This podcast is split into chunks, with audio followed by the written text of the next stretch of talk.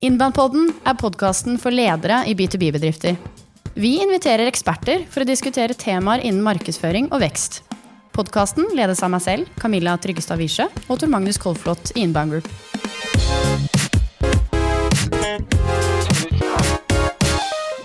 I dag, eh, Tor Magnus, så er vi I hvert fall jeg kjenner at jeg er bitte lite grann ikke sånn smånervøs, for vi har med oss eh, en litt sånn heftig gjest i studio i dag. Du ser jo veldig rolig ut, da. Ja, ja. Ja. eh, vi har med oss Rune Paulseth. Eh, For de som ikke vet eh, hvem det er, så er det eh, Facebook Norge, Meta, Norges eh, nylig avgåtte norgessjef. Velkommen til deg, Rune. Tusen takk, Camilla, og tusen takk til Magnus. Vi gleder oss eh, til denne episoden her. eh, Og vi er jo bitte litt usikre på akkurat hva vi skal prate om. Vi har mange spørsmål, og det spenner fra skal B2B-bedrifter annonsere på Facebook, til eh, hva blir AI-fremtiden i markedsføring, til hvordan har du jobbet med arbeidskultur i alle de teknologiselskapene du har vært med i, og hvordan i all verden har det vært å jobbe i Facebook, og hva skal du nå? Så vi ser litt hvor episoden eh, bærer eh, hen. Eh, Vi snakker jo til ledere i norske B2B-selskaper her, som har mange ulike typer interesser. Så vi ser litt hvor dette her bærer hen, Tor Magnus. Jeg tenker at Rune er jo min gamle sjef. Han var sjefen min i en måned. Knapt en måned. Så bra gikk det. Ja, ja. Det var en veldig fin tid. en En augustmåned hvor, hvor det var spennende å dra på jobben. Hvor det var kickoffer ute i parken, og det var mye moro. Ja, det var En fin tid. Klemte inn ganske mye på en måned der, til Magnus. Ja, ja. Det blir en stund siden nå. Ja, og Rune prata på vår eh, åpningsfest, holdt jeg på å si, 2015. Ja, eh, vårt byrå, Inbound, har jo gjort det ganske ok, syns jeg. Eh, og det, det startet, kickstartet med at Rune hadde hovedtalen på lanseringsfesten til Inbound. Hva sa han da om hvor Han til å sa være i at, 2023? eh, eh, han sa at uh, vi uh, er jæklig bra. Ja. Vi er på det riktige sted. Nei, jeg husker ikke helt det. Han, han sa noen veldig fine ord. Er du fortsatt enig i det. Rune? Ja, men Jeg spurte jo før jeg kom inn om det går bra. Jeg har kryssa i fingrene og sjekka litt ut, så jeg må jo si at eh, det ser ut som det går veldig, veldig bra. Uh, og jeg tenker at uh, grunnen til at jeg sa det også, har jo mye med folk å gjøre, som eh, vi, vi snakka om. Altså det, jo, selv om vi bare jobba sammen i en måned, så kjente vi jo litt fra før av. Og den driven og den innsatsviljen som dere var villige til å legge når du starta det her i 2015, så tenkte jeg det her må, jo, det her må gå bra. Men eh, det å drive byrå og det å drive business generelt sett innenfor marketing kan jo være tøft. Det. Så gratulerer. Du har holdt, eh, holdt så langt. Og det blir fortsatt vekst neste år. jeg med. Ja, takk for det. Ja, Kanskje du kommer inn på podden her igjen om eh, fem år? Hvem vet? Nå har jeg litt mer tid, så jeg kan komme litt oftere. Ja. Det er nok å snakke om tydeligvis her, da. Så vi får se. Men eh, for de som ikke kjenner deg så godt og vet hva du har drevet med. Du har gjort mye. Du har vært i sol fra internetts eh, tidlige morgen og Microsoft og aller media og ikke minst Meta de siste åtte årene cirka. Fortell selv. Ja. Hvor, eh, fødselshistorien, hvor ble du født, hva har du gjort? Ikke sant? eh, Bygutt fra Bislett. Eh, Mange lurer på om det er mulig å altså, rett og slett vokse opp på Bislett. Det er det. Det er det. Ja, så det går, går helt fint. Men nei, altså Rent sånt ja, profesjonelt så, så Det som kanskje satte det første sporet, var at jeg begynte å jobbe i Tybring-Gjedde. Altså først på butikken, og så som eh, handelsreisende, som jeg sier, i uh, kopipapir og 3M-blokker. Da lærer du litt sånn Det høres ut som en sånn 50-åring som sitter og sier jeg driver med hardcore sales. Stordalen snakker om jordbær hele tiden. Ja, jeg skal ikke kalle mitt selskap Copy eller 3M eller et eller annet sånt, for det tror jeg er tatt allerede. Men eh, Jeg har ikke de sjelsettende opplevelsene fra salg, men, men jeg syns det er spennende. Altså, Salg er gjennomgående det jeg dreper med. Eh, og um, litt sånn uh, Ja. Litt sånn tilfeldig så begynte faktisk min tidligere kone Cecilie i Sol på et vikariat. Og så var jeg oppe og henta henne et par ganger, så her var det spennende. Litt mer spennende å kjøre rundt og levere kopipapir og selge 3M-blokker. Ingen forkleinelse for det, men jeg så at det var litt mer spennende. De hadde egne datamaskiner, blant annet. På Tybring-Gjedde hadde vi Rolodex, så vi hadde ikke data engang. Så, så det var egentlig den spede begynnelsen, og det, det jeg er interessant altså, Du har jo vært også litt innover, eh, jobbet med eh, med disse gule sider-selskaper og litt sånn forskjellig der. Og vi skal si at uh, Gule sider og de har vært liksom salgsskolen i Norge, så har vel Sol vært internettskolen i Norge. Man får, fikk lov å bruke ganske mange hundre millioner på ting som blei putta i permer, og som har blitt svære internasjonale konsepter. Sånn 30-40 sosiale medier. Ja, we did that, men det var liksom sånn 30 år for tidlig. Eh, Sol Business-plattform, hvor liksom alle sånne business-suites skulle være. Eh, hei, hei, Microsoft. Men eh, ja, allikevel. Eh, vi var innom det meste. Avatarer. Metaverset. Jeg lagde jo eh, Lars Kilvold det metaverset på Sol. Så ja, nei, så det, det, er liksom det der å ha gått den skolen, og der tech-biten kommer inn, egentlig. Så er et salg i bånn hele tiden. Men man lærte liksom interessen for hvordan den digitaliseringen starta, egentlig. Man fikk lov å leke seg. Og så var jeg jo mange år uh, styreleder i IAB, uh, hvor da satt vi oss bare som mål. Var dritlei at alle pengene gikk til avis og TV og sånn, at vi skal ha en milliard. Styreleder hvor, eh, sa du? IAB Norge, altså INMA, som det heter i Norge. da. Den, er- altså Interesseorganisasjonen for internettmarkedsføring. Vi tok det bare veldig enkelt, kalte det det det var. Eh, der satt jeg ti år som styreleder, og da, da var vi bare utfordrerne. Vi satt alle Nettavisen, eh, Diggy, alle disse gamle, gode Sol, til og med Dobbeltklikk, som da var før Jan Grønbæk jobba i Google. Så vi hadde med alle disse pionerene innenfor det. Eh, og satte oss et mål at innen 2000 skulle vi ha liksom en milliard i omsetning, og så blei det sånn, da. Og så, sånn har det egentlig gått. Um, så de, de siste årene så har jeg jobba i mer internasjonale selskaper, inkludert også i uh, Niro, så var litt nok det at jeg hadde tolv år i alder, jobba som annonsedirektør der, ble mye papir, eh, som ikke lå liksom helt hjertet nærmest. Jeg kommer jo fra den digitale biten. Så tenkte jeg når eh, Microsoft-muligheten kom, så tenkte jeg nå må vi liksom lære noe nytt. da. Eh, og det man lærer i de selskapene, er jo en helt annen skal vi si, organisasjonsform. Man jobber i matrise. Man har liksom en helt annen type eh, si, ansvarsfullhet. Altså, jeg skal prøve ikke å bruke engelske uttrykk, da, men accountability-prinsippene er litt annerledes. Og man rapporterer på en annen måte.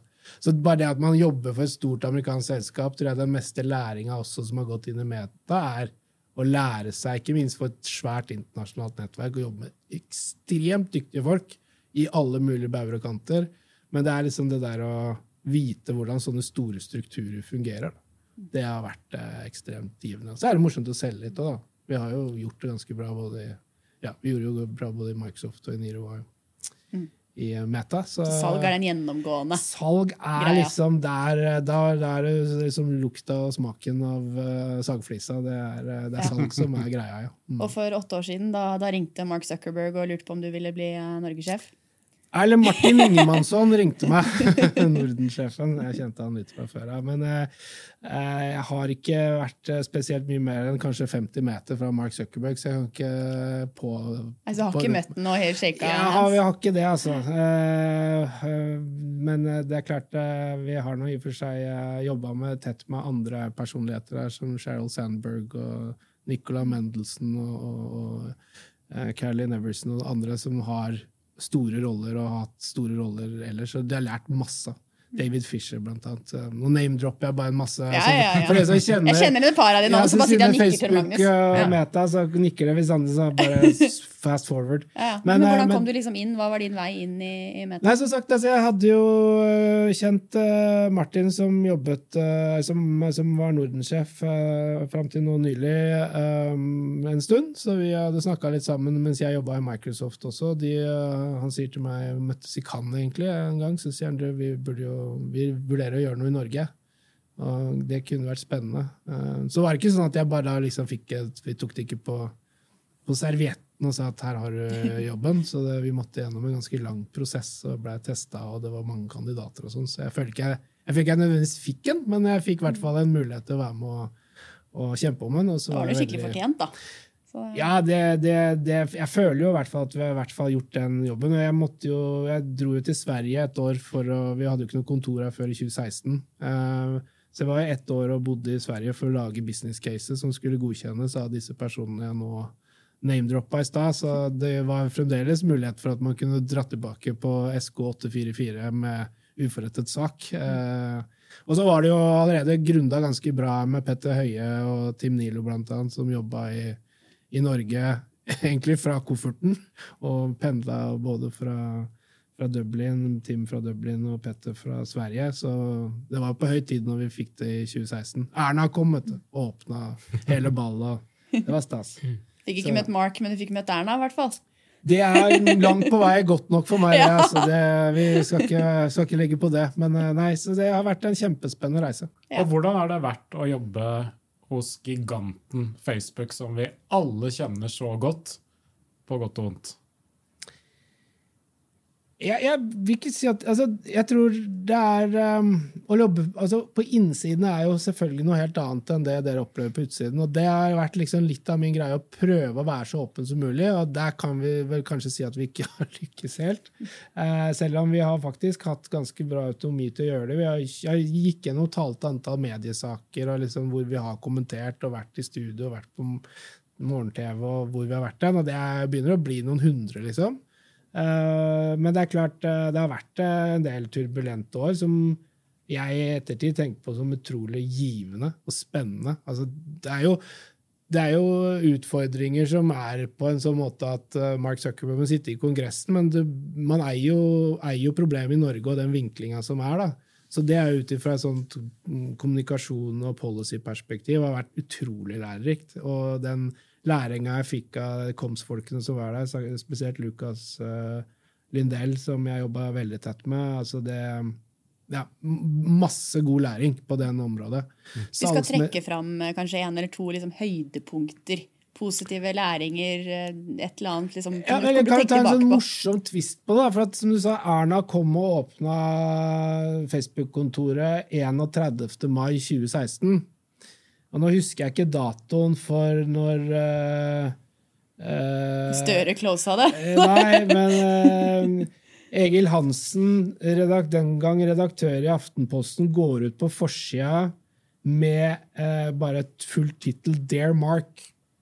For det vi hadde gjort, at vi hadde tatt ned det ikoniske Terror War-bildet, altså den eh, jenta som løper fra napalmregnet, men hun er naken. Og det var masse prominente norske både kulturpersonligheter og andre som posta dette her eh, i den prosessen at det var 30, altså det var et jubileum da, for det bildet. Um, og vi tok det jo ned, ikke sant? Det vil si, uh, AN tok det ned.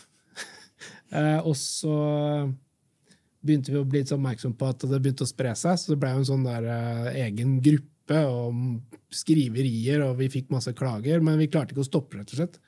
Eh, det ble lagt ut igjen, og det ble tatt ned. Og så begynte vi å ta ned da eh, sidene til disse personene.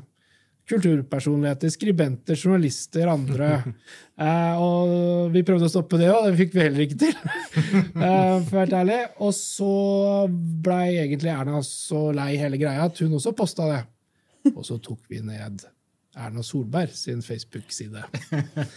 Sånn ca. tre-fire måneder etter at hun hadde vært og åpna kontoret. Eh, Litt mixed følelser akkurat da. Hvor stolt er du da? Nei, altså, men eh, vi ringte statsministerens kontor, vår policysjef gikk opp, jeg var med henne. Erna var ikke der engang, men vi snakket med de, og de hadde en forståelse for det, og så blei vi enige om en felles greie. Og så rydda vi opp. altså Vi fikk jo internt rydda det, og fikk stoppet da den mekanismen. For det var jo folk som la det opp igjen.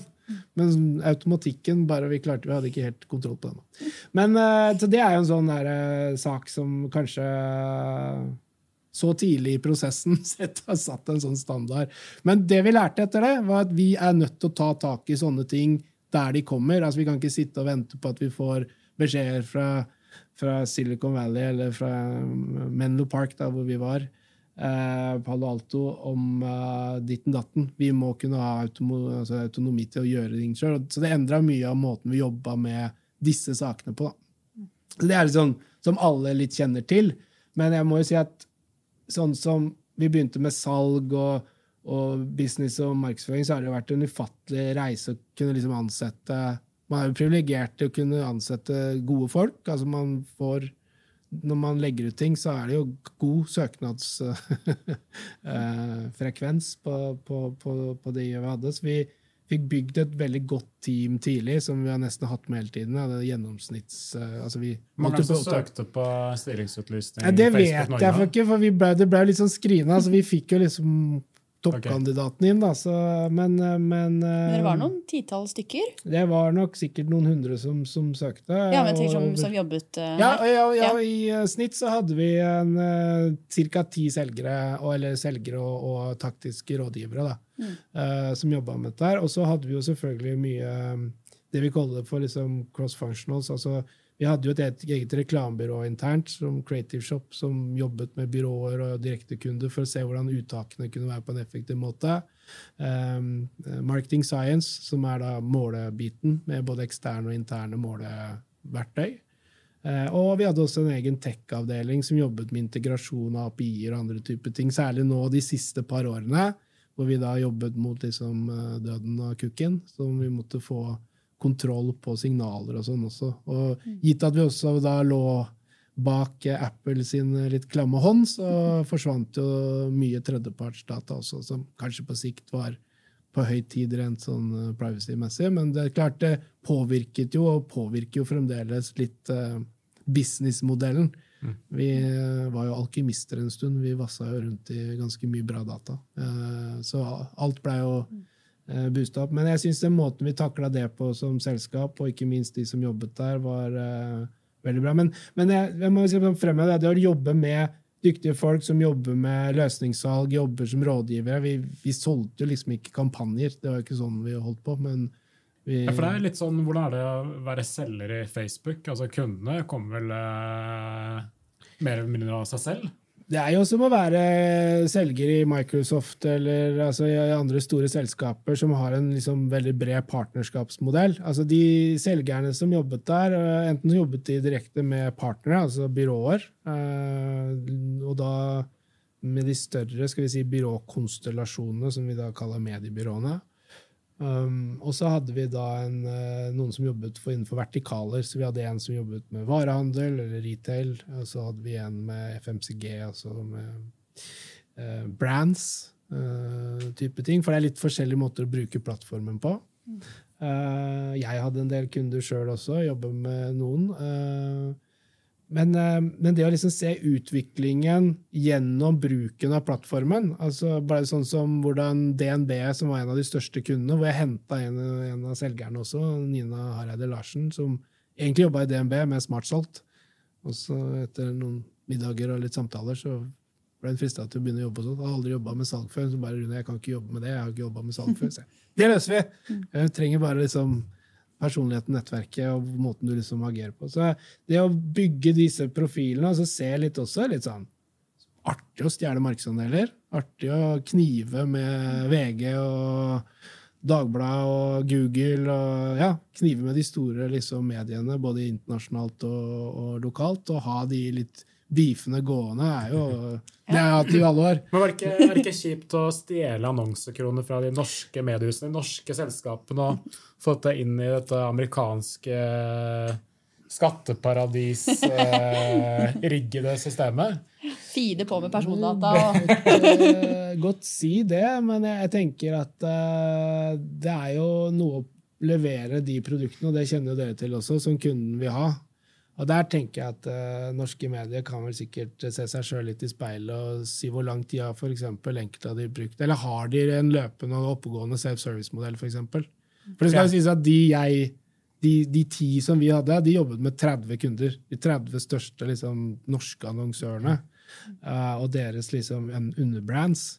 Uh, og det, det utgjør jo strengt tatt eh, en god del eh, penger, men det er jo der også Skipsted og de andre har satt inn ganske mange flere enn ti selgere. Mm. Ja. Og så har du da et team i Dublin som, eh, som eh, også jobbet med skal vi si, eh, litt mindre kunder.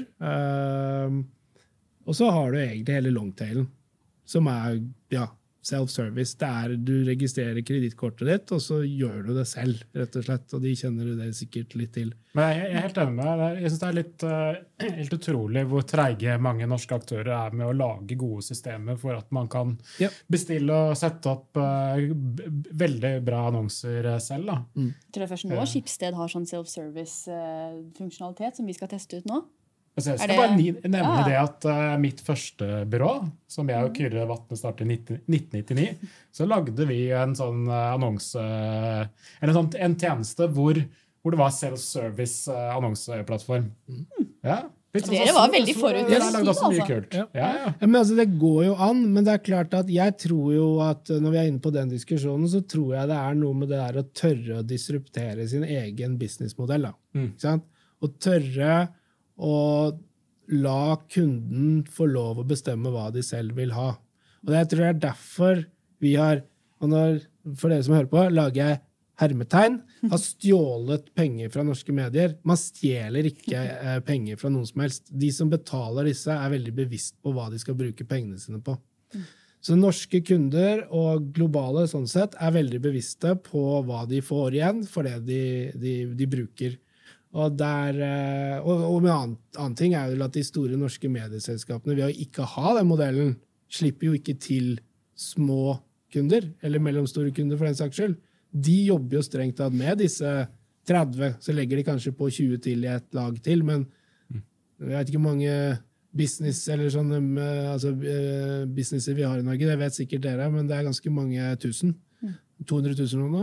Kan det være noe sånt nå? Hvor mange bedrifter det Ja, er totalt? ja. Kommer litt an på hvordan du regner. Ja. Hvis du skreller bort de som ikke har noe omsetning, eksempel, så Ja. Ja. går det sikkert fra en halv million til 200 000. Men jeg, Ja, jeg, liksom, her snakker vi om 50, så ikke sant? det er ganske mye mer å ta av. Eh, og vi vet eh, at uh, selger du ikke noe, så uh, ja, så eller da, da lever, overlever du ikke. Du, Rune, du har jobbet eh, ganske mange år i Facebook og Meta. Eh, hva ser du på som liksom de, hva, hva, de store utvik... Liksom, hvordan har dette endret seg? Hvordan har Facebook og deres eh, verden endret seg sånn, som er relevant for oss i Norge og norske bedrifter gjennom de årene du har vært der? Altså, Facebook har jo vært kjempestore lenge. Eh, det har vært mulig å annonsere der i lang tid. Men hva, hva, hva, liksom, hva er det som har skjedd gjennom årene der? Det er et veldig sånn eksistensielt og stort spørsmål, eh, Tor Magnus, men jeg skal prøve da å dra det litt ned. Eh, Del av spørsmålet i Ja, ikke sant? La oss ta kategorien. Nei, men, men altså, jeg tror det, det Altså, hvorfor bruker folk Facebook, da? Jeg tror vi skal begynne der. Og det tror jeg er det som jeg syns var eh, fascinerende når jeg i hvert fall starta, vi het Facebook, og helt i begynnelsen, var liksom også litt historien rundt hvorfor Facebook ble laget. ikke sant? Det, det var ikke for å utgangspunktet tjene penger. Og jeg tror eh, faktisk når Mark sier det fremdeles, så går ikke han på jobben hver dag for å tjene penger, og det er lett å si når du ringer kontofonen og blir aldri ferdig egentlig med å høre hva som er på andre siden. Men jeg tror det er noe av den eh, greia at hvordan klarer du å få den luckyen og hook-effekten til å få folk til å bruke eh, det verktøyet? da? Hva, hva er det som gjør at det verktøyet er så effektivt for folk? Både for bedrifter å markedsføre, men også for eh, eh, si, organisasjoner. Hvordan hele plattformen knytter folk sammen mellom chat-funksjonen eh, ja, eh, Hvis vi starter med det spørsmålet, da, sånn, ja. du innledet med på en måte, eh, hva er det folk bruker Facebook til? Mm. Dra oss gjennom. De fleste har sikkert sett eh, Social eh, Oi, Social Dilemma! Det er, ja, det er den filmen heter. Eh, liksom, sånn, hva, hva, hva, brukte folk Facebook til før, da det starta? Og har, hvordan har det behovet endret seg, og hva bruker folk det til egentlig i dag? Ja, det er et av de vanligste spørsmålene vi får. sånn, Skal bedriften min være på Facebook? Er ikke det bare kattevideoer og liksom besteforeldrene mine som er på Facebook nå? Ja. Hva Og det, og det er det. de. Både kattene og besteforeldrene er der, men det er jo liksom tre milliarder andre der òg. Ja. Så det er jo volumet ikke sant, per nå. Men i starten, ja. Jeg tror starten var at det var en sånn um, litt sånn forfriskende ny måte hvor du kunne liksom få kontakt med nettverket. altså Rett den der connecting people-følelsen som var uh, misjonen og mantraet i starten. Det at du kunne sette opp, Nå var det jo kronologisk, da, så du måtte jo bla langt ned for å se om bestemor hadde lagt ut noe. ikke sant? Så fikk vi det algoritmiske etter hvert, som gjorde at det ble maskinlæringsoptimalisert. Men kan vi dra litt tilbake etterpå. Men jeg tror det, i starten var det forfriskende, og ikke minst chatten. Fordi Det jeg opplevde når jeg jobba i Microsoft, om, omtrent over en sommer, var at vi hadde jo, var en Norges største plattform egentlig med hele universet til Microsoft. Med portalen, men spesielt eh, Messenger. Sant? Selv om det var en app på desktopen, så var jo det den som drev mesteparten av trafikken. Så hadde vi Hotmail og sånn i tillegg. Men over natta, når Facebook eh, starta, så var det det som skjedde. At folk forsvant fra Messenger og begynte å bruke eh, Facebook Messenger. Så gjorde at litt det der Microsoft-universet rakna litt, for det var liksom hang sammen. Eh, så, så starten var nok mye igjen, Messenger. Og der ser vi også at det har gått igjen hele veien også med WhatsApp og andre, og investert mye, mye penger i det. Eh, og nå er det jo liksom chat som er det nye hotte fremdeles. ikke sant? Så det, det er noe med den én-til-én-kommunikasjonsbiten. Eh, du har Snapchat som egentlig er basert på det. Så jeg tror det er hook-in-greia. At du får folk til å bruke plattformen. Og så hadde vi da den sosiale aspektet i tillegg, som etter hvert har grepet inn eh, både Særlig når vi lanserte grupper. Facebook ble for stort etter hvert. Selv med maskinlæring og algoritmer så var det for mye content. Du kom aldri egentlig helt igjennom. Eh, helt til du passerer 50, da, da er det ikke så langt. Da, er det sånn Nå har du, du er oppdatert, får jeg beskjed om nå. Sånn etter bare en liten sånn kvarter. Og det er fint. Det betyr at det er ikke bare gamle som er der også. Men um, Ikke sant? Så liksom hvordan det brukes Ja. i dag versus eh, da ja, og det kom. Det, grupper tror jeg var en game changer. Uh, definitivt. Og da begynte man jo å få liksom, idrettsgruppene inn, uh, foreninger, altså ikke minst interessegrupper. Altså, bare på bilen du har, eller om du liker å fiske i et vann et eller annet sted, så er det jo plutselig 100 stykker som gjør det. Hyttegruppa, boliggruppa. Altså, det gjør jo en lock-in. Der er alle, lett å bruke, før man liksom fikk Spond og disse her. Men det fortsetter jo å gå, ser jeg. Og ikke minst kombinasjonen mellom å ha en Facebook-gruppe, men også en chat. Da ikke sant? Da vet du at går du fra den gruppa og inn i chatten, så er det, snakker du de samme personene. Så det community-bygginga er nok en veldig sånn sterk bit av det Facebook eh, har eh, blitt. Når kom bedriftene på Facebook? Selskapssider og også bedriftsannonsering. det var, liksom, det var jo før min tid, eh, sånn sett. eh, Men, eh, men, men sidene har alltid vært en sånn viktig sak i forhold til å kunne starte det kommersielle. For i starten så var det jo egentlig bare det å sette opp en side som var Vi, vi hadde jo ikke annonser. Eller vi hadde noen fi- firkanter borti hjørnet. Det var jo ikke noen integrerte annonser, det var jo ikke noen newsfeed. Så det var jo egentlig at du Styrken var at du kunne like de brandsene du likte, og følge de brandsene. Og da, som vi snakka om litt før vi starta sendinga, så er det jo det innholdsmessige går fremdeles igjen. Å lage da godt innhold så blir det relevant å følge den siden. For hvis ikke den dukka opp i newsfeeden din, som var kronologisk, så, ja, så var det jo ingen som kom inn heller. Så, og, da, og jeg tror den neste gamechangeren er da at man da begynte å støtte seg mer og mer til maskinlæring, algoritmene ble sterkere, mer personalisering. På et eller annet tidspunkt sa jo Cheryl at Facebook skal være person, mark, altså, eh, personalized marketing at scale. Sant? Altså global greie, og du skal ikke kjenne noe forskjell. Du kan følge internasjonale brands og internasjonale kjendiser og influensere og hva det måtte være. Um, ja, jeg, jeg, jeg tror det Det er klart det var en endring, og så kom annonsene eh, for fullt i newsfeeden når det blei fra desktop. Eh, Mark sa bare fra og med i dag slutter vi å utvikle på desktop, nå skal vi bare utvikle på mobil. Og alle bare eh, What? ja, men? Det var jo ingen som klarte å kapitalisere på, på mobil. Før da i utgangspunktet Facebook tok det valget. Og da gikk det jo den veien. Og nå, jeg synes det er spennende å se nå, Hvis du ser på VG, eksempel, det er jo newsfeed. Og vi snakker jo ikke lenger om annonseformater og sånn, for de er dynamiske plassert i en feed som er tilpassa telefonen din. Så vi snakker jo hvilket OS du sitter på, ikke liksom hvor stor skal annonsen være. Det er mer dynamikken i annonsen, og om det skal være video eller stillbilder eller karuseller og sånn. Men hvis, før så snakka vi om liksom pikselstørrelser og plassering på sida og sånn. Så, ja, det er blitt mye mer dynamisk. Og jeg tror Så de fleste nyhetsnettsteder er jo blitt en newsfeed, som egentlig Facebook starta. Så jeg, jeg må jo si at eh, litt, eh, nå, Siden jeg er ute av det, så kan jeg skryte litt. Eh, Det er jo, De har gått i bresjen for hva som funker, men det er klart, alle de datapunktene, og det er en annen ting Ekstremt datadrevet selskap. Du kan bli nesten sånn at du blir litt skremt noen ganger når du sitter internt og har prosesser. Så sitter vi jo vanlig kanskje og har en strategiprosess og tenker litt ut ifra en sånn intuitivt mindset for hvordan man jobber, og så tenker man og tror litt. Og så kommer bare datapunktene, og så bare Men hva, hva tenker du, Rune, at, eh, at Facebook og Meta Amerikanerne samler inn så mye data over milliarder av mennesker? Er ikke det veldig ekkelt og fælt å tenke på?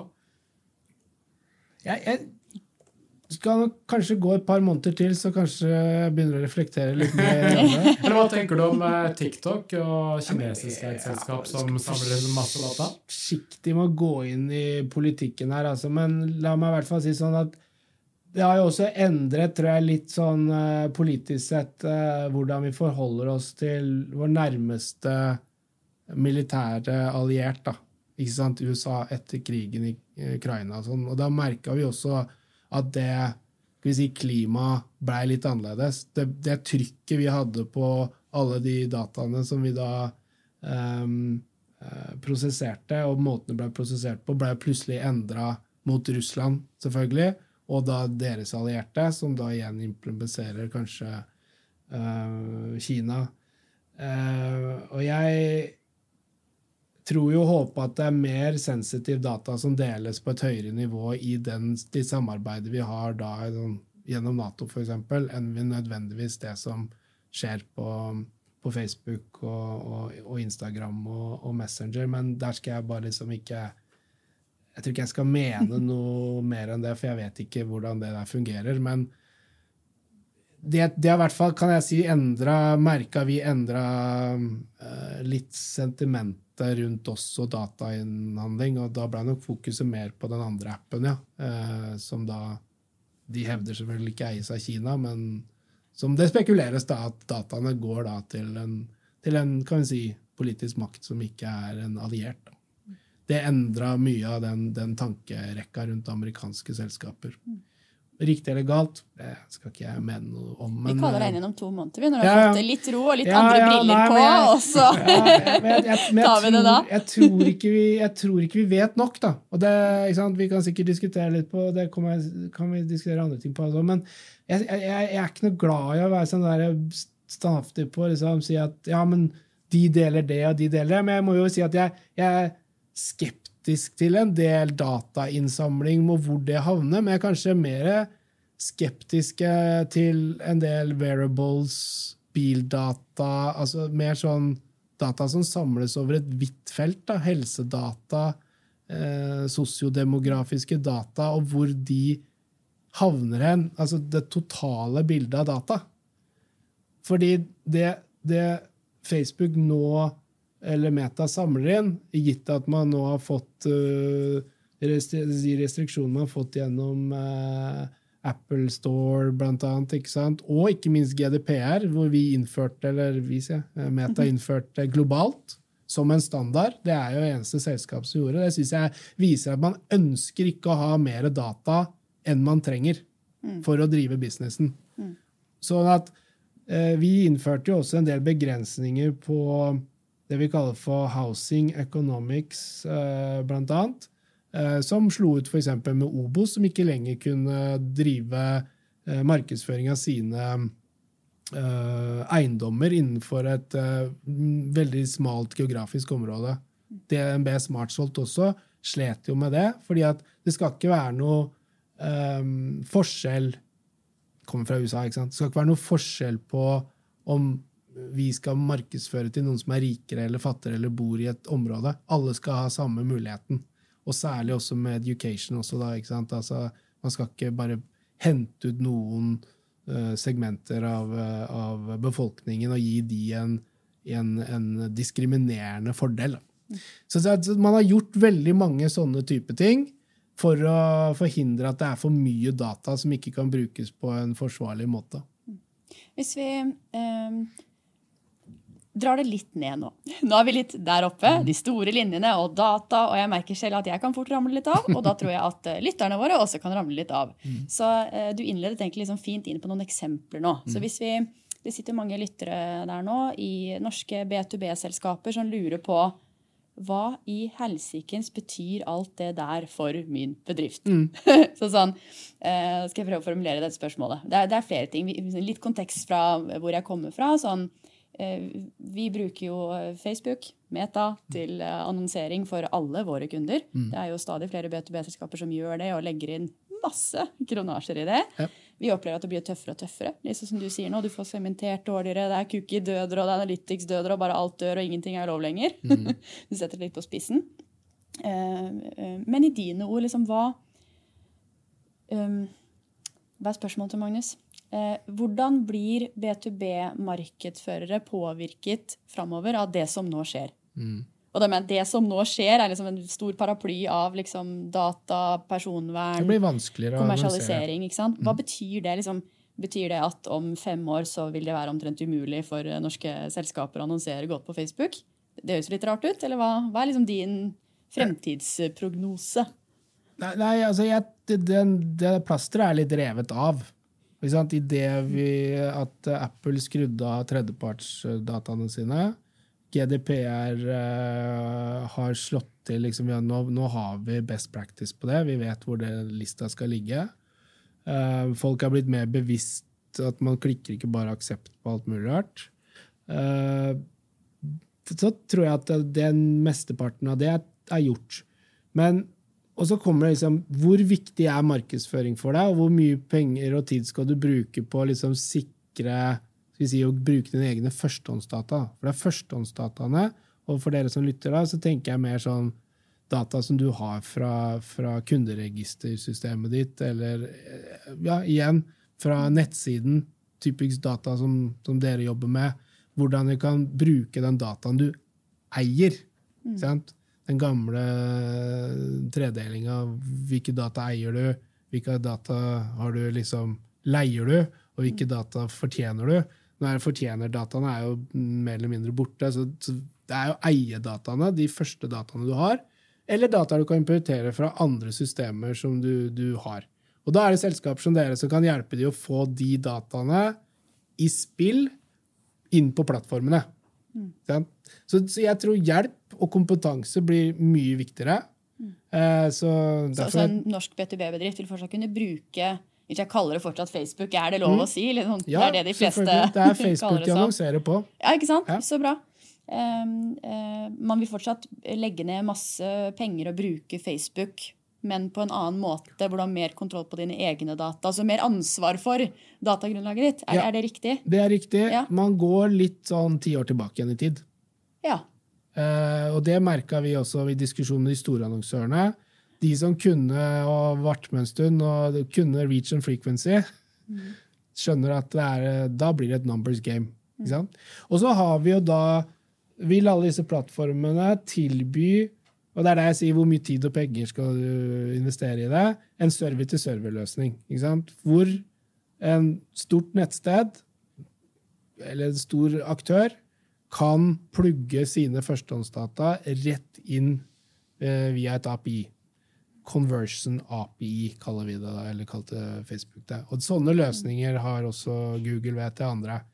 Det kan du gjøre ganske enkelt selv. Det fins oppskrifter på hvordan du gjør det. Du kan få hjelp av selskaper som dere til å gjøre det. Men da har du jo lagd den forbindelsen, så da trenger du ikke gå via alle CSV-filer og Excel-filer og konvertere igjen. Da vil denne type data, du regulerer det selv, da får du et dashbord som viser hvilke data, eller eventer, som man kaller det, altså ulike typer ting som kan påvirke og være fornuftig å bruke, kan man sette opp. Helt i det helt enkle. Ikke sant? Um, uh, og særlig da får du i hvert fall en, uh, en formening om har den personen vært inne på hjemmesiden, og hva har den gjort på den hjemmesiden, eller interagert med selskapet. Det kan også være fra kassasystemer eller andre typer ting, hvis du er en retailer, men nå snakker vi jo mest om B2B. For den dataen får du fortsatt lov til å samle inn. Absolutt. Ja. Den er, altså det er førstehåndsdata som så På din lenge egen nettside, på din egen plattform. Jepp. Og i butikken, for den saks skyld, så lenge du har eh, kundens eh, godkjenning til å gjøre det. Sant? Og det gjør jo disse CRM-systemene og andre typer ting. Eh, de kan ikke bruke overvåkningskamera og si at vi så du var i butikken. En stund kunne vi jo bruke faktisk geolokasjonsdata. Det er blitt litt eh, vanskeligere, for det er litt vanskelig å si om du har sagt ja eller nei, bare for at jeg vet at du tok med deg mobiltelefonen inn i butikken, du var påkobla Facebook. Det var jo data som kunne brukes. Så, så jeg tenker litt back to old school på hva er det som funker. Litt sånn tenke lokal selv. Bruke fremdeles eh, lokasjon og, og den eh, Husk på at innloggede bruker legger igjen fryktelig mye førstehåndsdata. Så det er ikke sånn at vi ikke har noen data, men det var, vi hadde så fryktelig mye mer data som gjorde at egentlig enhver eh, kampanje lå på et mye høyere nivå, der, rent sånn konverteringsmessig og involveringsmessig, engasjementsmessig. Men så har det falt. Men eh, det er ikke Jeg tror det Gjør du det riktig, så tror jeg ikke salg, antall salg går ned. Fordi har du et godt produkt, det må vi fortsette å jobbe med. eh, og har du kål på hvilke kunder du skal møte, så er det jo den størrelsen og volumet på disse plattformene som er det unike. Hvordan blir, eh, Hvis vi ser på, på måte, de tradisjonelle mediekanalene og Schibsted og der hvor eh, mange annonserte før, for det var det eneste stedet du kunne annonsere, eh, versus de sosiale plattformene. De utfordringene vi snakker om og de treffer vel også medie, si, medieselskapene? Det er ikke noe sånn at nå, nå, får, nå, blir de dratt tilbake til the old way of doing things. Nei. Men hvordan, hvordan ser du liksom for deg de neste fem årene? Tror du eh, B2B-annonsører kommer til å jobbe mer tilbake til tradisjonelle plattformene? Vi ser at det skjer jo mye i Skipsted-nettverket og i A-media. og de, selv om det kanskje går litt treigere, så, så går det fremover der òg. Hvordan vil du liksom anbefale B2B-selskaper å tenke rundt de to, på en måte? Ja, nei, altså det, jeg, jeg, vil, jeg, vil, ikke anbefale noe som jeg vil. Jeg vil at folk bruker det som funker for dem. Og så tror jeg man skal være helt bevisst på ja, hvor i landet man er. altså Hvor stort kundegrunnlag har man? liksom, altså hvor mange, skal, altså, Si at du skal fylle et seminar. da, Du skal ha 20 stykker, men du skal ha 20 viktigste. Da, da, liksom, da bruker du ikke noen plattform eller du bruker ikke noe medier. helt, Da er det jo direkte, altså én-til-én-kommunikasjon som funker. Så er det jo bare hvor stort det skalerer. da. Nye, og skal du ha nye kunder, skal du ha repetitive kunder. Så jeg, jeg, jeg skal ikke, jeg Og det er ikke for at jeg ikke vil være politisk eller upolitisk, eller noe som helst, men må, folk vet hva som funker. Men, men når det kommer liksom til totale annonsemengden, så, så, så, tenker jeg jo litt sånn at uh, uh, Nå har jo liksom Google uh, bausta på, være aleine i det markedet med SO og og den biten der i ti, kanskje ti år før vi starta, så kom vi og begynte å krangle litt og stjale litt penger både hist og pist, og bygde opp en ganske god markedsandel. Eh, nå har jo vi redusert tilstedeværelsen, men liksom, hooken er jo der. Eh, de store kundene har jo allerede brukt det, de har resultatene. Jobber, de jobber fortsatt, de jobber tett gjennom byråene, men, så det kommer til å gå litt ned. Men de pengene skal være vanskelig å stjele tilbake fra noen, for de veit man funker. Det er billing i bånn. Og så kommer det nye plattformer som gjør det samme. Men da er vi tilbake til det jeg sa i stad. Hva er det da de tradisjonelle mediene skal konkurrere uh, på, da, eller med, rett og slett? Fordi disse, det er flere små og mellomstore bedrifter enn det er store. Så egentlig rasjonalet rundt det å bygge ut self-service-modellen Og det kommer, det har Meta uttalt, at self-service-modellen skal brukes mer penger på. Den skal boostes og bli enda bedre enn den har vært. Så vi gir et bedre tilbud til alle sammen, fordi kompetansen både store og små annonsører er blitt høyere. De vet hvordan de kan bruke det nå, og det finnes selskaper sånn som dere som kan hjelpe dem, hvor det er effektivt å gjøre. Og Det er litt derfor også den strategien rundt Meta å legge ned en del av salgskontorene hvor vi har vært håndholdte. Vi har løfta de opp til det nivået. Nå klarer de seg mer eller mindre selv. Og da er det fornuftig å bruke de kanskje kreftene et annet sted. Hvis du ser på en, eh, en typisk norsk B2B-bedrift, en ledergruppe, mm. i en 10- eller 100-mannsbedrift eller et eller annet hva, hva, tenker du er liksom typiske ting som de misforstår eh, i forhold til eh, digital markedsføring og Facebook-annonsering osv.? Hva, hva, er det, hva, hva er det som på en måte, hva er det som gjengangeren er liksom tabber og misforståelser og eh, ting du tenker at folk burde uh, Hvis jeg kan få lov å vri litt på, på egentlig premisset ditt, for jeg tror at det er to forskjellige altså er Enten så har du fokus på salg og markedsføring, uansett om du er én eller 100 eller 100 000 ansatte. Så at du har tatt inn skal vi si, den som har den markedssjefsrollen, om det er eh, hun som er kombinert regnskapsfører, og liksom jobbe, mm, fått kredittkortet eh, av sjefen for å liksom legge ut litt, og egentlig sponser det lokale eh, håndballandslaget, så tenker jeg da, okay, da har man satt det i system. Og så er det bare hvordan det skalerer. Og blir man hørt på? Kjent? min gode venn Tim Nilo sier jo det at det første som ryker ut av en ledergruppe, er jo å si Moen. Akkurat som at det første som ryker hvis det er litt dårlige tider, så er det markedsføring. Og det er jo fordi at man ikke klarer alltid å se liksom, den korte verdien av det. Og så er det eh, da ingen heller, fordi at det er blitt så komplisert. Eller egentlig så er det blitt enklere å markedsføre, men det oppleves som du sa i stad, som litt kompliserende fordi det er digitalt, og du må logge inn, og det er litt sånn sperre for det, kanskje. Så jeg, så jeg tror jo at du, har, du, har du fokus på markedsføring og tror at markedsføring er noe som booster salget ditt som en del av distribusjonen, som en del av bedrifts, skal vi si, suksessformelen, så får du bare enda mer muligheter. For nå kommer det jeg tenker også rundt neste generasjon internett, altså Web 3.0, mye mer demokratisert, forhåpentligvis. Det er i hvert fall forutsetningen for hvor man strukturerer det. Så vil man få mer nisjeaktører også. Jeg tror det blir færre av de store. De store vil være der. Men jeg tror at etter hvert som man bruker mer avanserte former å bruke internett på, så vil det komme mer nisjeaktører som kan stjele mer av den type ting. Også innenfor skal vi si, B2B-vertikalene. da. Du kan faktisk få eh, at det er lønnsomt å begynne å bruke verktøy for fiskeindustrien, liksom. Som er eh, en egen app som gjør dette her mye mer effektivt, som lager et community, fordi at eh, man får teknologi eh, som gjør det mulig, og billigere.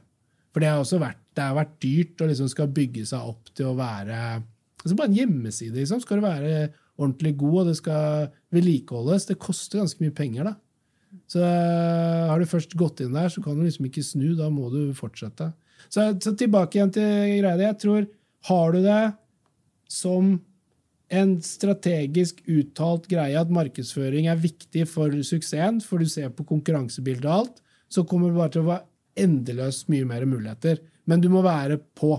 Så enten så må du lese deg opp, bruke ressurser og tid på det, og du må få med deg resten av ledergruppa til å skjønne det. De, de, må på en eller annen måte være villige til å innse det faktum at mark markedsføring er viktig.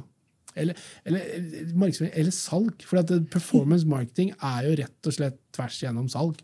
Ja, for det er mange bedrifter som er veldig salgsfokusert, mm. men egentlig ganske dårlig på digital markedsføring. Ja. Ja, og, og, jeg tenker at uh, der, der, har vi jo gått noen år hvor liksom Jeg husker jo den gangen vi begynte å snakke om at vi skulle selge bannere på klikk. Da, det var jo ikke en bærekraftig modell for norske mediehus. Uh, så det, det, måtte vi jo da prøve å, å regulere og få tilbake CPM-modellen. Og så kommer jo da de store plattformene med auksjoner som drar CPM-er rett ned, og egentlig kjører jo klikkbasert på det meste. Så det er klart at det har vært uh, ekstremt effektive verktøy for folk som vil starte. Og det, det ser vi Derfor har man fått en underskog av uh, e-handel. Uh, masse merker du ikke kan gå inn i en butikk og kjøpe, som du bare får på nettet. Og jeg tror det er flere og flere av de merkene som, som nå, De starter noen concept store, hist og pist og sånn, og gjør litt pop-up store, og sånn, men altså, de driver jo hele butikken sin online. Uh, og det de er jo mye flinkere, mye mer effektive og mye mer agile de enn mange store kjeder er. Og det ser vi vel litt hvordan hvis vi ser på børskurser og hm. resultatmarginer. La, la, meg vri litt på spørsmålet ja. mitt. Hva tror du blir viktig for eh, ledergruppene i disse norske B2B-bedriftene å få med seg og huske på nå fremover ja. i sine nye femårsplaner? Jeg tror konkurransen fra utlandet kommer til å øke. Mm. Eh, Hva slags konkurranse da? Ja, altså, det kommer flere aktører som kan tilby, selv om vi snakker B2B og kan være tjenestesektorer eller et eller annet sånt. Altså, er vi jo ganske bortskjemte i Norge at vi har et ganske lukka økonomisk system. Vi kjøper norske varer og handler norske varer, eh, eller tjenester spesielt, da, eh, fra bedrifter. Men jeg tror at Um, på B2B-siden så er det jo mye mer eksport og import av, uh, av hvert fall av um, skal vi si um, varer for produksjon, da. Hvis man driver med produksjon internt. Men derfor jeg sier at B2B så har man jo det er, det er en ganske stor range av om man er produsent, altså om man produserer produkter eller produserer tjenester, om de kan leveres som eksport, eller om de kan da bare må uh, leveres uh, lokalt. Men jeg tror generelt sett så vil man merke en mye større konkurranse altså fra utlandet. Man tenker gjerne litt større i eh, de globale selskapene. Gi et eksempel på uh, si, annonseomsetning i prosent. Altså Når vi snakket i Meta om hva som var eksportomsetning, så er det sånn at uh, hvis du har f.eks. Um, HM, da. Så ja, den er jo et svensk bedrift, så den har naturlig blitt håndtert av, det svenske kontoret til Meta. Så den, den er registrert der og håndteres av svenske eh, selgere og et svensk team. Men de har jo 90% av skal vi si, salget sitt, eller distribusjonen, markedsføringen, går utafor Sverige. Og alle de pengene da, som enten investeres i USA, eller i England, eller Frankrike eller ja, Japan, det kalles eksportpenger. Og den har jo egentlig en enorm mye større vekstpotensial sånn til å vokse. Så hvis vi da brekker ned de tre forskjellige landene som jeg var jobba med, da, altså eh, Sverige, Danmark og ta Norge til slutt, så kan vi si at eh, for å begynne med Sverige, så var det ca. 50-50. 50% var lokal markedsføring og kunder som markedsførte i Sverige, og 50% gikk ut av landet. Stor andel av det var selvfølgelig HM, men vi har Ikeaer og vi har Volvoer og andre som er store. I Danmark så var det 75-25. 25% gikk til det danske markedet, 75% gikk til utlandet. I Norge hadde vi det motsatte. 25% på, på topp. Men det er bare de siste årene. Vi hadde litt Remarkables og sånne type ting som hadde store internasjonale kampanjer. Men de siste, ved første kanskje si sju åra jeg jobbet der, så var vi på under 10% Og kanskje Telenor og DNB som gjorde noen ting av de kundene vi hadde inne. Og det var ikke noe potensial til å gå og hente noen heller. Det har vi sett litt endringer de siste årene med Tibber og is og sånne type ting. Jeg håper de kommer litt tilbake. Men energisektoren spesielt har jo tenkt større. Så det som jeg sier, er at vi i Norge har en tendens til å tenke lokalt. Og vi tenker ikke globalt eller større. Vi tenker liksom ikke engang Norden. Eh, mens i de andre landene så tenker de mye mer at ok, har jeg et selskap, noen kommer og tilbyr meg 50 millioner for uh, selskapet, så er vi litt nordmenn tenker at ja, da er det kjekt å bytte inn det i mm, ingen huslån og kanskje litt større hytte og litt lengre ferier og sånn. Jeg sier ikke vi er slappe, jeg bare sier at det er litt sånn, det er sånn tanken vi har. Og så kan det være at vi reinvesterer og begynner på nytt igjen. Men svensken er nok mer sånn 50 millioner, ja. Men ja, da går jeg og spør en til, jeg. Ja, han vil også ha. Så nå har jeg fått fem på 50, så jeg gjør liksom en emisjon. Ja. Så har jeg 250 millioner i kapital. Så går jeg heller på børs og har vært en milliard om, om, om fem år. Det, det er mindset-forskjellen. Så jeg tror, Og da blir vi sittende liksom med Amazoner som kommer, muligens andre typer plattformer. Så kan fort norske bedrifter bli litt underbudd, og særlig på prisbiten.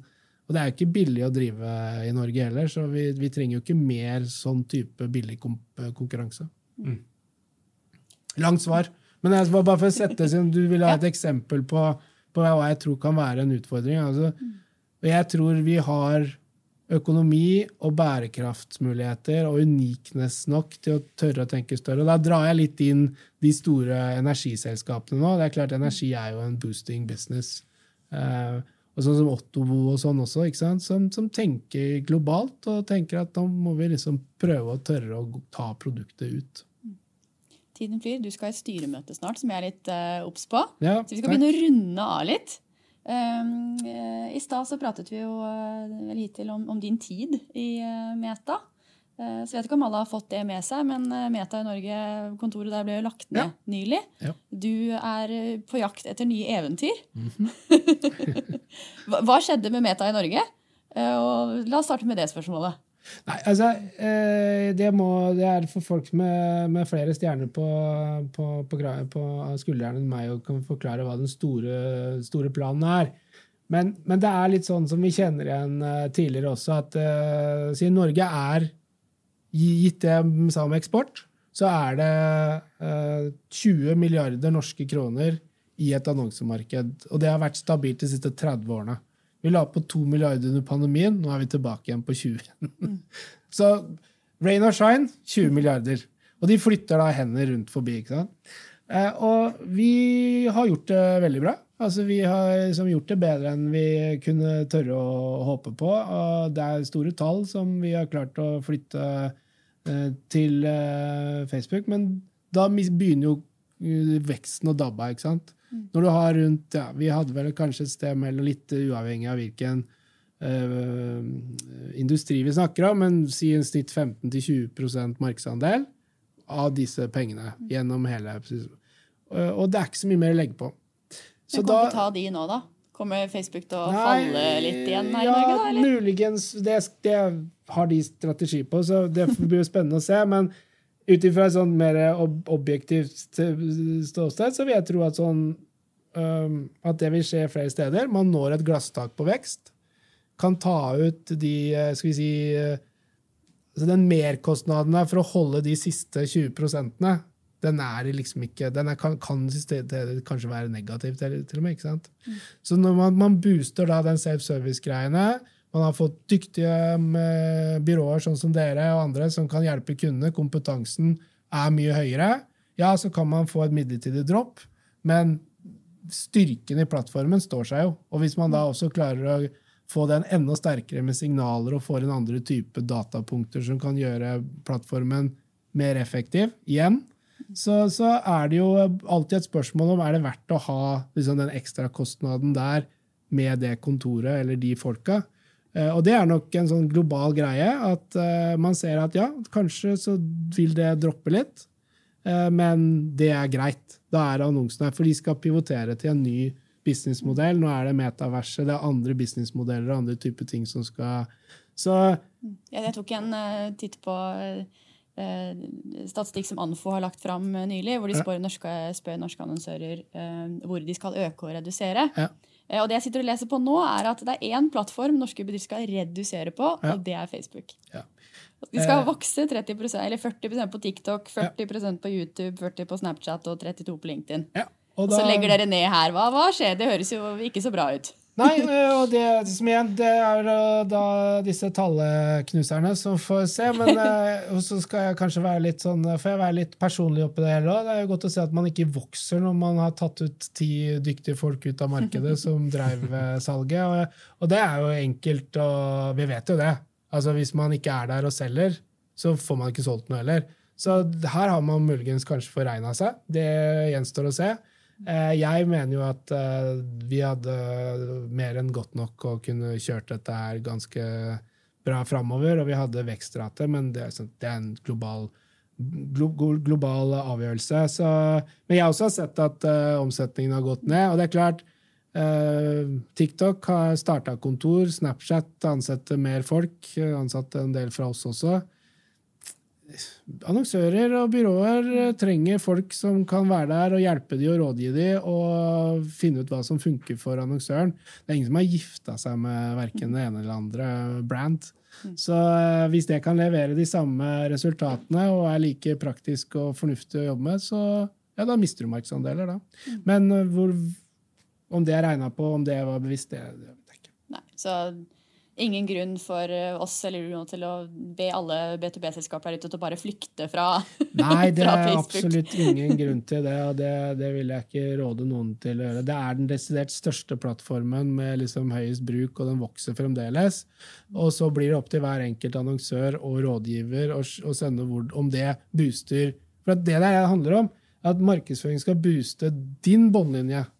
Sant? Den skal booste kunden båndlinje, skal booste byråsymbolene, båndlinje. Og hvis det at ikke dere får den hjelpa dere trenger, eller sånn, gjør at dere flytter et annet sted, ja, det er jo helt fornuftig for dere, for dere har en business å passe på. Så det, det er jo konsekvenser som jeg ikke har noe innsikt i, men det er jo bare tyngdekraft, egentlig. Og hva, hvor skal du nå? Hva gjør du? Vi skal i styremøte. Ja, sånn, Kanskje litt lenger fram enn uh, Ja, hva, hva, hva brenner du for nå for tiden? Hva hva, hva er det du trigges mest av? og Hva tenker Kanskje noen lyttere der ute som kunne tenke seg Ja, å ja nei, altså, jeg tar Og det gjør jeg. Jeg tar alle prater som kommer, og jeg har fått masse gode forslag og tilbud som jeg vurderer. Men jeg, jeg har jo egentlig, jeg slutta jo rent sånn Stengte og lukka kontoret 30. april, så jeg strengt tatt hatt 25 dager. Og hadde, Fortjener å ta det litt jeg hadde liksom. en uke på Vestlandet under, eh, med familien, og det var godt. Eh, så har jeg litt sånn, jobber litt sånn tirsdag til torsdag nå. Eh, sånn at, men, men jeg har masse gode samtaler, og sånn som det styremøtet er i dag, så jobber vi jo litt sånn aktivt med eierne og ja, rådgir litt og, og sånne type ting. Så man får jo Jeg holder liksom business-driven i, i gang, men man må jo lande på noe man har lyst til å drive med. Og, eh, men, men det som er interessant, er at egentlig eh, ikke, Egentlig så har jeg reflektert over at siden jeg egentlig de siste 20 åra så har jeg liksom blitt litt sånn headhunta til ting, eller folk har ringt og spurt om du vil drive med noe. Så jeg har egentlig ikke hatt noe sånn bevisst karrierevalg. Og jeg har jo veldig sånn Det er litt trikkeskinner på det jeg har gjort. Det er jo, det er jo bannere og digital markedsføring. Og det kommer det sikkert til å fortsette å være òg, men det finnes jo mange vrier på det. da. Altså det, det, det er mange bransjer og andre typer ting. Så det er jo spennende å kunne Så ikke tilbake tilbake til Nei, den, tror jeg er kjørt, og jeg er ikke så sikker på om jeg skal til en sånn multinasjonal annonseplattform heller. Det, men altså, ingen vet. Men altså, jeg, jeg, det, er ikke, det er ikke sånn første som slår meg som det mest relevante. Men det å kunne liksom lære Og det, det jeg kjenner mange startups, eller en del startups som har invitert meg inn og har litt sånn øh, strategiske diskusjoner som gjør at jeg lærer, opp, lærer meg opp fryktelig fort på ting som man Hvis jeg sitter inne i en metabobla litt lenge. Man, man blir litt i bobla, ikke sant? Uh, så det har vært uh, mitt mål. Bare komme ut der, ta en del kaffekopper, snakke med sånne som dere. Eh, og rett og slett bare kjenne litt på at verden har faktisk gått videre, selv om jeg føler kanskje at nå stoppa opp litt. Uh, så vet du hva? uh, jeg har liksom satt det sånn at jeg skal begynne å jobbe med noe fulltid, i hvert fall. Fra 1. august. Ok, så ha en liten sommer på deg, og litt finvær. Og... Liten sommer, og så ja, kanskje ta sånn eh, veien til golf eller et eller annet sånt underveis. Mannen min har meldt meg på det, skjønner ja, du. ja, Så ja, ja. Nei, det blir det er spennende å følge med. det- Sånn driver jeg jo ikke med, sånn at jeg har funnet at eh, det har jeg funnet ut tar fryktelig lang tid. Så det er sånn som jeg kan begynne med om ti år, tenker jeg. ikke sant? Da får man fylt eh, Så jeg skal ikke det er mange som sier at du må begynne litt tidlig, for da er du forberedt til du skal være pensjonist. ja, okay. ja, For du må bli god nok til at det det er gøy å være pensjonistgolfer. Men jeg, nå skal ikke dette ende med at han har liksom avslutta Meta og skal begynne å spille golf. Det er ikke poenget. Jeg skal ha ny jobb fra august, og jeg har masse spennende Work-life balance, vet du, Rune. Ja, ja. ja men, det, Det- det, er- men det er faktisk på avslutningsgreia. Det er også noe man skal reflektere over. Altså det at man faktisk tar, når man kan, tar noen pauser og kobler helt av. Og jeg får jo som åpenbart ikke kobla helt av, for jeg sitter og snakker om det her. Men det er jo en litt annen måte. Ja. Nå får du ikke lov til å være her lenger. Nå må du løpe i et styremøte. Tusen takk for at du var med. Skal ikke se bort fra at du blir invitert igjen en gang senere. Tusen takk, det var veldig Kanskje på tiårsfesten vår, Tom Magnus. Det er jo ikke lenge til. Nei, det Han kan holde tale. Ja, ja. Da skal jeg begynne å skrive på den med en gang. Jeg kommer gjerne. Veldig bra. Tusen hjertelig takk. Masse Masse til. og lykke lykke til. til videre, dere også. Takk.